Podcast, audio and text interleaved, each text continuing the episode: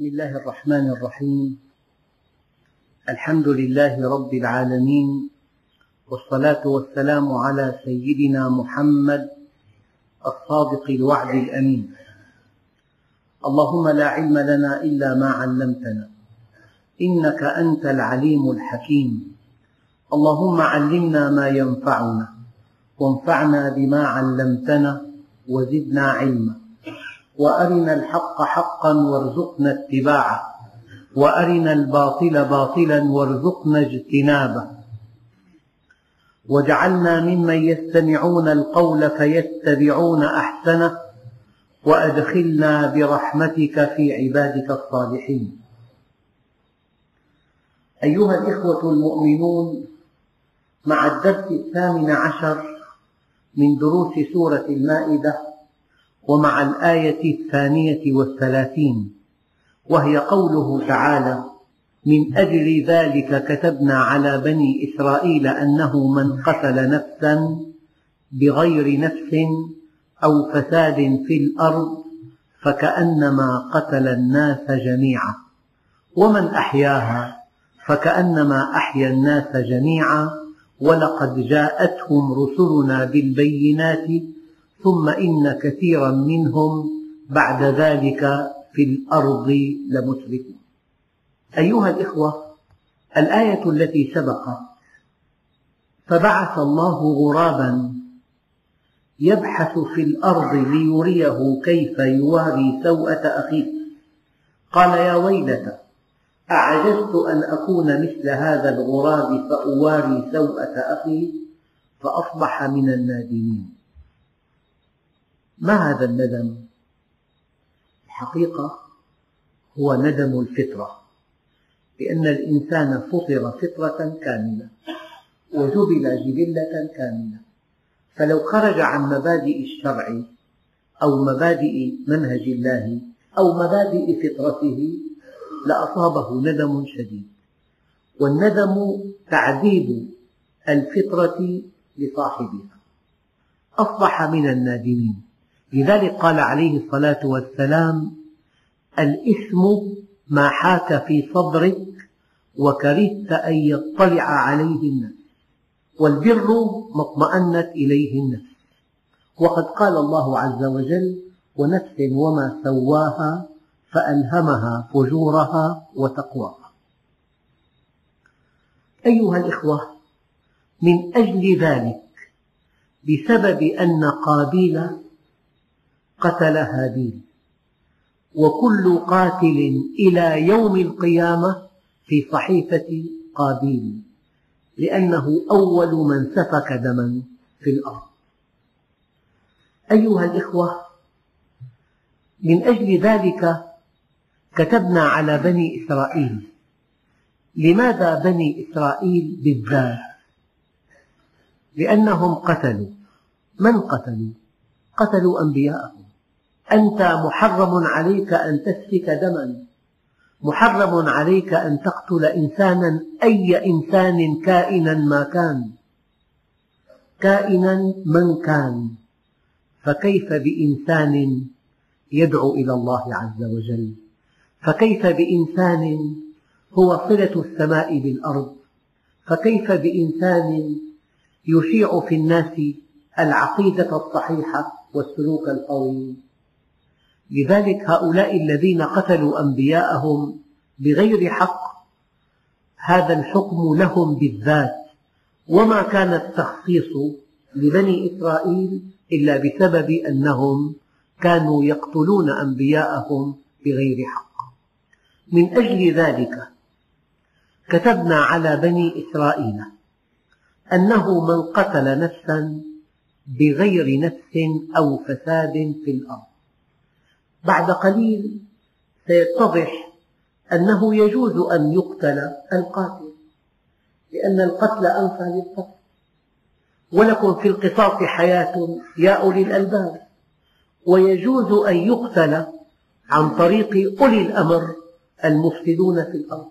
ولكن من قتل نفسا بغير نفس أو فساد في الأرض فكأنما قتل الناس جميعا. أيها الإخوة يقول الله عز وجل في آية أخرى فلم تقتلون أنبياء الله من قبل؟ أي أن النبي صلى الله عليه وسلم عصمه الله من أن يقتل. قال له والله يعصمك من الناس. وبناء على هذه الآية صرف حراسه ليكون واثقا من أن عصمة الله لا يمكن أن تخرق. لذلك بعض الغربيين أسلم بسبب هذه الآية. لو لم يكن واثقا من أن الله سيعصمه ما صرف حراسه فالنبي عليه الصلاة والسلام معصوم من أن يقتل. طبعا سوف يموت.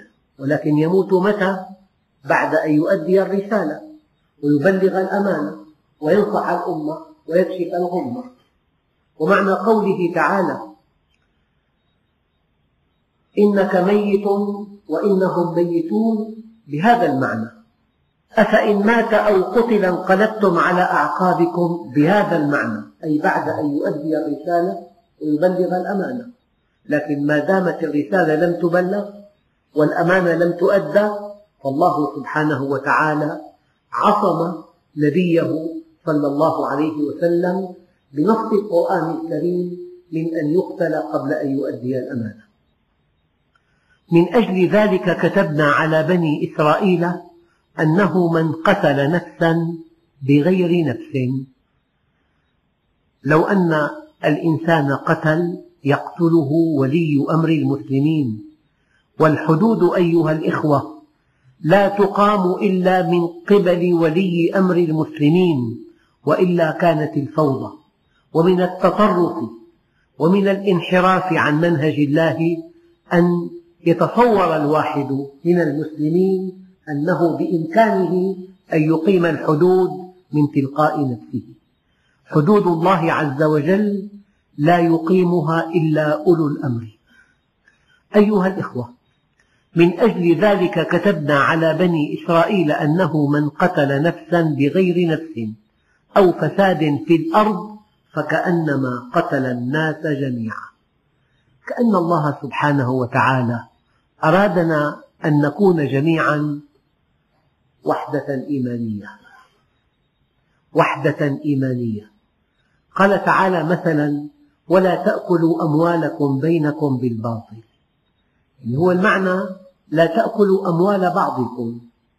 لا تأكلوا أموال إخوانكم. لكن الآية لا تأكلوا أموالكم. لأنكم إن أكلتم أموال إخوانكم فكأنما أكلتم أموالكم. لأن إضعاف المؤمن إضعاف لأخيه. ولأنك مطالب أن تحافظ على مال أخيك وكأنه مالك. فلأن تمتنع عن أكله ظلما من باب أولى. توجيه رائع جدا لكل مسلم. مال أخيك هو مالك من زاوية واحدة. هو أنه يجب أن تحافظ عليه وكأنه مالك. فإذا كنت مكلفا أن تحافظ عليه وكأنه مالك فلأن تمتنع عن أكله ظلما من باب أولى.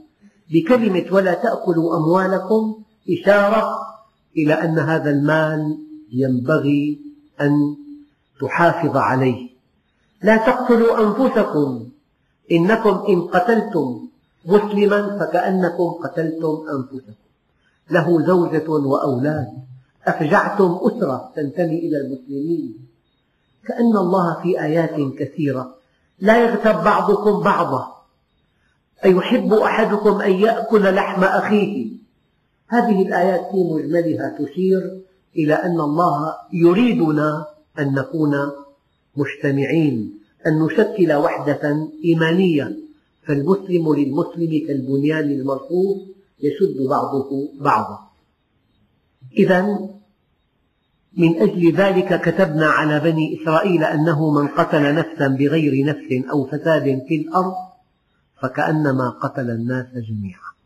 مطلوب أن الناس جميعا عليهم أن يستنكروا فعلا منكرا لا أن يسكتوا.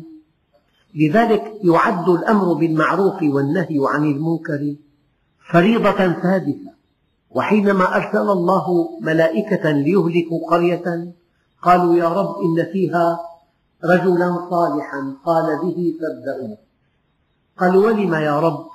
قال لأن وجهه لا يتمعر إذا رأى منكرا. وحينما قال الله عز وجل كنتم خير أمة أخرجت للناس تأمرون بالمعروف وتنهون عن المنكر وتؤمنون بالله. علة هذه الخيرية الأمر بالمعروف والنهي عن المنكر. فإن قصرت الأمة في هذه الفريضة ليست خير أمة أخرجت للناس. هي أمة كأية أمة خلقها الله عز وجل. لا تمتاز على بقية الأمم ولا بشعرة. أيها الإخوة الكرام من أسباب هلاك بني إسرائيل أنهم كانوا لا يتناهون عن منكر فعلوه. لا يتناهون عن منكر فعلوه. بل إن سيدنا عمر رضي الله عنه كان يقول والله لو أن أهل بلدة ائتمرت على قتل واحد لقتلتهم به جميعا. فالقتل أنفى للقتل ولكم في القصاص حياة يا أولي الألباب. يعني المجتمع الإيماني بأكمله ينبغي أن يستنكر المنكر. حدثني أخ كريم سائق سيارة على خط دولي. جاءته فتاة وشاب ليركبا معه. لكنهما ينتظران محفظة تأتي بعد ربع ساعة. مضى ربع ساعة ولم تأتي المحفظة. انتظر انتظر زمنا آخر فجاء رجل في السبعين من عمره وقد وضع المحفظة على رأسه. فما كان من هذا الشاب إلا أن وكزه على رأسه ولامه على تأخيره. ثم أخذ المحفظة منه وسارت المركبة. وفي منتصف الطريق سمع السائق هذه الفتاة وهي زوجته تقول للشاب وهو زوجها لما ضربت أباك؟ فأوقف السائق المركبة وطرد منها الراكبين وأعطاهما ما دفعاه له وقال أخشى أن أقع في حادث مأساوي. لأنكما أغضبتما ربكما. لو أن كل واحد منا سمع أو رأى شيئا منكرا فأنكره لكنا في حال غير هذا الحال. لو أن كل عم رأى ابنة أخيه ترتدي ثيابا فاضحة فوعظها ونصحها واستنكر عملها لكنا في حال غير هذا الحال. لذلك الذي يسبب هلاك المسلمين أن تقول أنا ما لي علاقة. حينما تقول ليس لي علاقة ولست مكلفا وأنا مكتفي بنفسي وأنا أقيم الإسلام في بيتي ولا شأن لي بمجتمع الناس هذا أيضا من ضعف الإيمان. لذلك يقول الله عز وجل من قتل نفسا بغير نفس أو فساد في الأرض فكأنما قتل الناس جميعا. أي يا أيها الناس جميعا استنكروا فعلة واحد خرج عن منهج الله عز وجل. الحقيقة في ملاحظة تستدعي أن نذكرها. ما الذي يعين الإنسان على التجرؤ على الحق؟ ما الذي يعين الظالم أن يظلم؟ ما الذي يعين المجرم على أن يرتكب جريمة ثانية؟ سكوت الناس عنه. لا شيء يعين على تفاقم الخطأ كسكوت الناس عن الخطأ. لذلك ولتكن منكم أمة يدعون إلى الخير ويأمرون بالمعروف وينهون عن المنكر. ولتكن منكم. ولحكمة بالغة أن الله سمى العمل الصالح معروفا لأن النفوس البشرية تعرف المعروف بفطرها السليمة. ولأن النفوس البشرية تنكر الخطأ بفطرها السليمة. فالمعروف نعرفه بالفطرة والمنكر ننكره بالفطرة. وهذا معنى أن الدين متوافق مع الفطرة توافقا تاما. لذلك لا شيء يعين الشرير على أن يرتكب الخطأ كسكوت الناس عنه. يعني قصة مشهورة جدا. سبع الغابة رأى فيرانا ثلاث ثور أبيض وثور أسود وثور أحمر. فأقنع الثورين الأسود والأحمر على أن يأكل الأبيض فسمحا له. ثم أقنع الثور الأسود على أن يأكل الأحمر فسمح له. بقي أمامه الأسود. فلما توجه إلى الأسود ليأكله قال أكلت يوم أكل الثور الأبيض. المجتمع الذي لا يتناصح ولا يأتمر بالمعروف ولا ينهى عن المنكر مصيره إلى الزوال.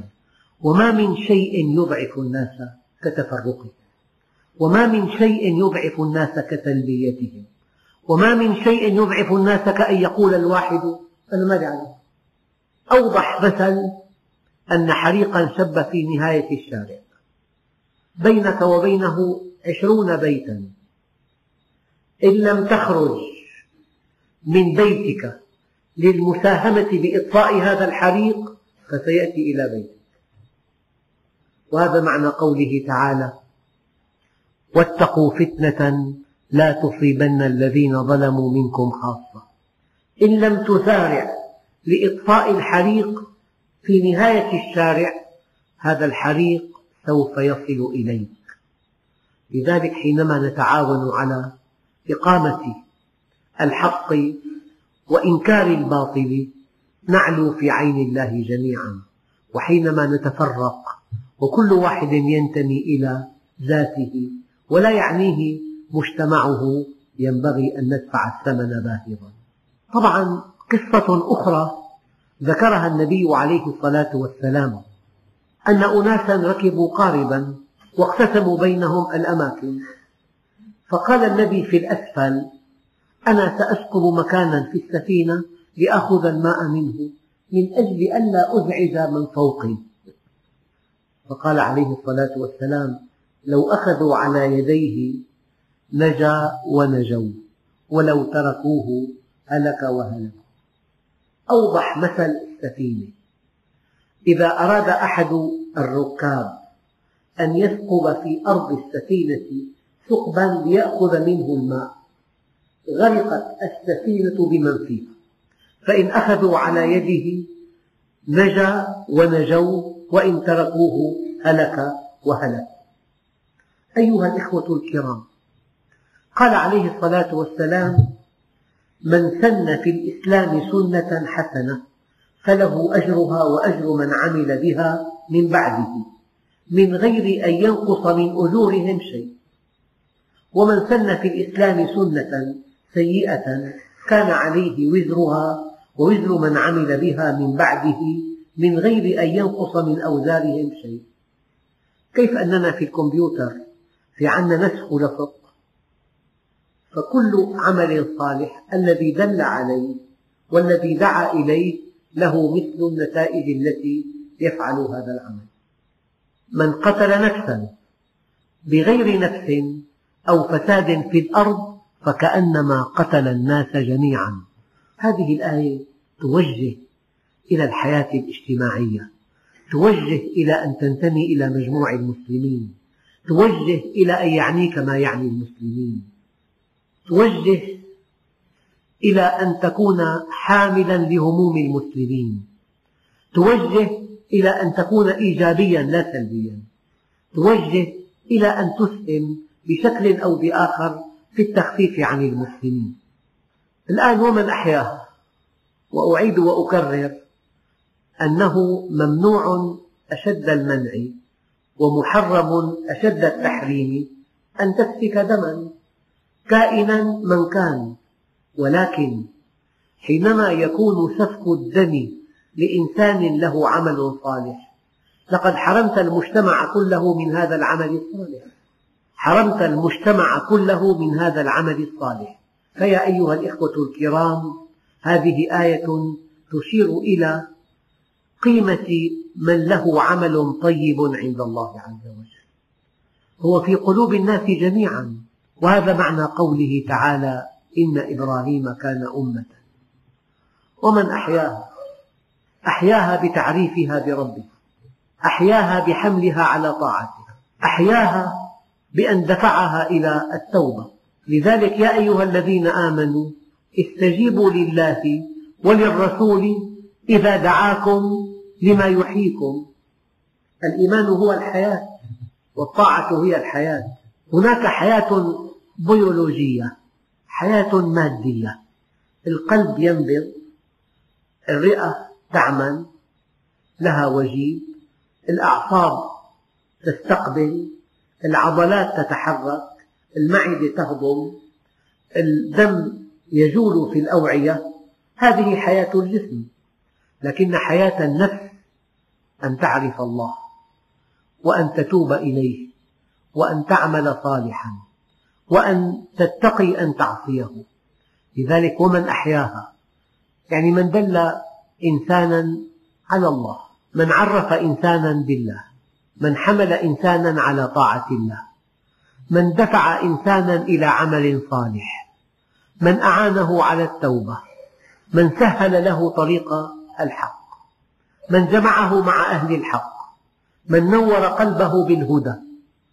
أي عمل هدفه إحياء النفس فكأنما أحييت الناس جميعا. السبب هذا الذي دللته على الله واهتدى بهدي الله وانضبط وفق منهج الله.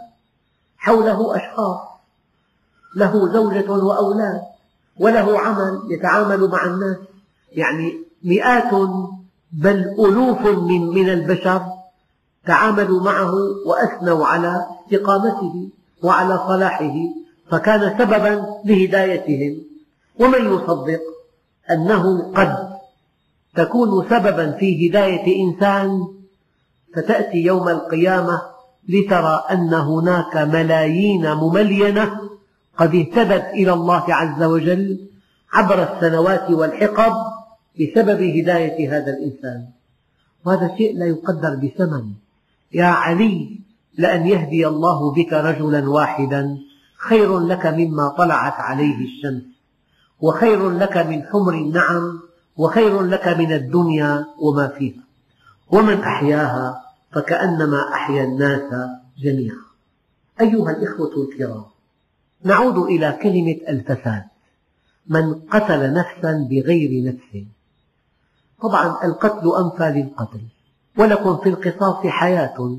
يعني أن يكون عقاب القاتل القتل هذا يردع القاتل عن أن يقتل فيحيي نفسه ويحيي الذي كان سيقتله.